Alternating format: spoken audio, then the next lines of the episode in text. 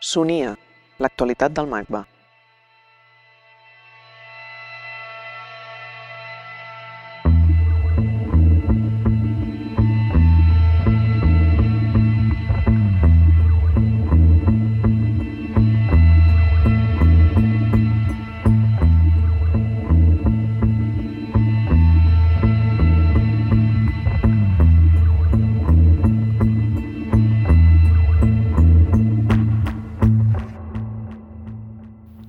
Oferta pública Public Tender és la primera gran presentació de l'obra de Rita McBride a Espanya. En un diàleg directe amb l'arquitecte de l'edifici Richard Meyer, McBride ha fet tornar gran part de l'arquitectura de la segona planta del museu al seu estat original i intencional. Aquesta neteja de l'arquitectura mostra l'espai expositiu com un objecte d'estudi i el situa al mateix nivell que les obres d'art que allotja.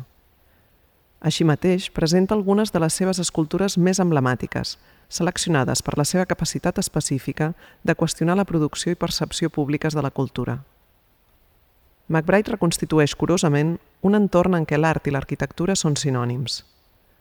L'aprofundiment de l'artista en la lluita entre el funcionament intern del museu i la seva arquitectura crea una transparència potent i restableix la connexió entre la funció pública i les operacions de custòdia del dia a dia del museu. Sonia parla amb Bartomeu Marí, Luis Fernández Galiano, Anne Pullman i Rita McBride sobre els processos i reflexions entorn de l'exposició. Bartomeu Marí, comissari de l'exposició. L'exposició de Rita McBride s'emmarca dins d'una línia de treball que des de l'inici jo vaig eh, proposar com a part integrant del programa que defenso per aquest museu i que és d'apropar el MACBA cap al present. Rita McBride i el retorn de l'escultura. El treball de Rita s'emmarca en una generació d'artistes que proposen fer escultura, tornar a fer art després de la crisi de l'objecte. Rita McBride és estudiant Bard College i a Cal Arts a Los Angeles. És alumne, entre altres, de Michael Asher i de John Baldessari i crec que és important de veure com aquest treball respon a la pregunta com fer escultura després del minimalisme i després de la crisi de l'objecte, com he dit abans. La relació entre l'objecte escultòric, l'arquitectura, l'escultura i l'espai urbà. Un altre element molt important és com el treball de Rita McBride reuneix elements que formen part també de l'ADN d'aquest museu i que són les relacions entre la pràctica artística, l'arquitectura, el disseny, els problemes relacionats amb l'espai públic, l'entorn urbà que, com sabeu, també des de fa uns anys desenvolupem a través dels discursos que relaten les presentacions de la col·lecció MACBA. Una de les icones importants, una de les referències importants dins de l'àmbit de l'arquitectura és Le Corbusier. Le Corbusier és una icona, és un paradigma de l'arquitectura moderna i ens el trobem tant d'una banda en el treball de Rita McBride com a la col·lecció MACBA en l'actual presentació i en la presentació que farem també d'aquí unes setmanes en la renovació d'aquesta col·lecció. És també una referència a l'arquitectura com trobarem més endavant en el treball de Gordon Mata Clark i sobretot que s'explicita en la manera com la Rita ha utilitzat l'espai del museu com un material més de la seva exposició. Veieu que el museu el presentem el deixem veure en una configuració original, com estava concebut per l'arquitecte, però també com s'ha anat maquillant a través del temps. Crec que aquesta gestualitat també de l'artista s'ha de llegir en termes de despullar el MACBA. Luis Fernández Galiano, arquitecte i director d'Arquitectura Viva. Arquitectura escultòrica versus escultura arquitectònica. Mi papel es el de un arquitecto que va a hablar de la dimensión arquitectónica del trabajo de Rita, que efectivamente son piezas que no puede tener uno en la sala de estar, ¿no? Tiene una dimensión efectivamente urbana y en algunas ocasiones, como el My West de Múnich, 52 metros de altura, no hay más remedio que hablar de esa escultura que es un arte público, pero con una dimensión ya arquitectónica. Ha habido una confluencia entre arquitectura y escultura en últimos tiempos. Los arquitectos han hecho cada vez obras más escultóricas por muchos motivos, en parte por la presión de los medios, por eh, encontrar imágenes memorables, ¿no? Y por otro lado, la escultura también se ha aproximado a lo arquitectónico al buscar a través de la escala una presencia mayor en ese diálogo colectivo que todos tenemos. L'arquitectura parla, un diàleg entre McBride i l'edifici de Richard Meyer. Así que cuando ella llega aquí y dice, vamos a excavar el museo original de Richard Meyer, no es algo caprichoso, lo hace porque como el museo era poco apropiado para exponer arte, sufrió las modificaciones que debían para ser más apropiado para muchas cosas, y Rita ha aprovechado esta ocasión para resucitar el museo original, que en el fondo es una gran escultura que debe de exponerse casi sin apenas otra cosa, ¿no?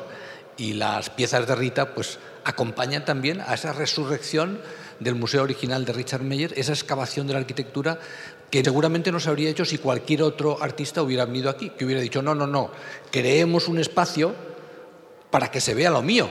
Y en cambio Rita ha querido que, mostrando su trabajo, recuperemos las intenciones originales de este edificio neocorbuseriano de Richard Meyer, con el que Barcelona se dotó en, en Lanus Mirabilis del 92.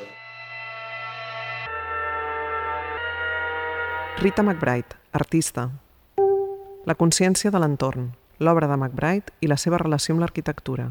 It became very clear to me when we really started to focus on making this exhibition that I wanted to somehow understand what this architecture is and what relationship it may have to my works. I've always been interested in the relationship of art and art sculpture and architecture because they share space so prominently and experientially. So it's about walking through some places and experiencing in a very corporal way the space. So it was very early on, Bartomeu and I discussed about taking, for instance, the skylights out as a first step, but also we talked about taking out many, many, many things and slowly began to understand that this was a kind of excavation of the space that I could start to dance with my vocabulary, which I've built over 20 years. Mae West, el que l'arquitectura no és i allò en què s'ha convertit l'escultura. Uh, Mae West was an international competition which I was invited to uh, participate in. And the program for Effner Platz in Munich, the competition program stated they really would like to give a profile to Effner Platz. This is a place that's very undefined in Munich. So I really took that very seriously, and the first proposal was okay, we make a very, very, very visible sculpture there. So the idea was to propose what I called an empty monument, a monument which had no meaning. That the meaning of this structure would come from the people of Munich and from the process of building this structure, which took nine years. So uh, over time, it was very much in the newspaper, very much debated. For me, this was already a public sculpture happening because it was already so present. I think most people in Munich even thought it was already realized when it still was not realized. But it is working very well, that slowly gaining meaning over this time. And it was in the newspapers, many things were discussed, and people started to use these phrases and these cartoons to describe the Mae West sculpture. Oferta pública Public Tender. La publicació.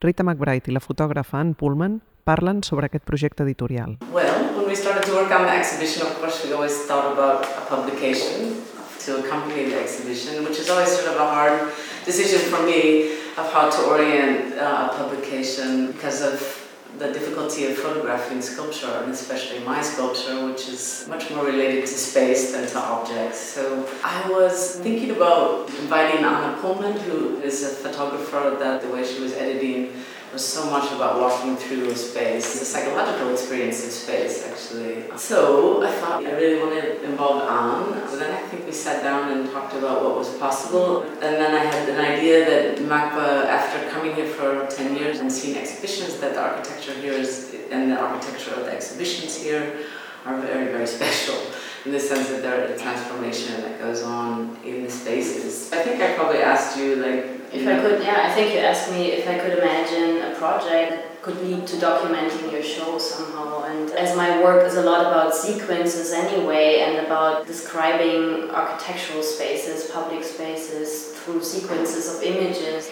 Yeah, I think I was interested in not only having the works be, um, you know, well photographed by you, but also like to somehow establish a context for for being part of the museum. We were very interested from the beginning when Bartomeu Marí and I started to talk about the exhibition that we really both wanted somehow to bring the architecture back to an original intention and to remove much of the temporary interventions that have occurred. So fake walls and skylights and so we knew that the architecture would change drastically. Més enllà del catàleg d'exposició. I think it's definitely much larger than an exhibition catalogue of Rita McBride's work. I think it's bigger than an artist book. I hope that it becomes um, kind of fascinating, especially through Anne's photographs, that becomes something for studying museums and the state of museums today in the pursuit of uh, exhibiting contemporary culture and what should a museum look like, what are the problems with this. I mean, I hope that we are able to ask more questions about about what museum what museum architecture is, what museum spaces are, what are the needs, what's possible. So I don't really see it as my project anymore. It's sort of like the, out there as a public offer for everyone to consider these bigger issues, which are you know that I just happen to be part of the thinking around it and in it.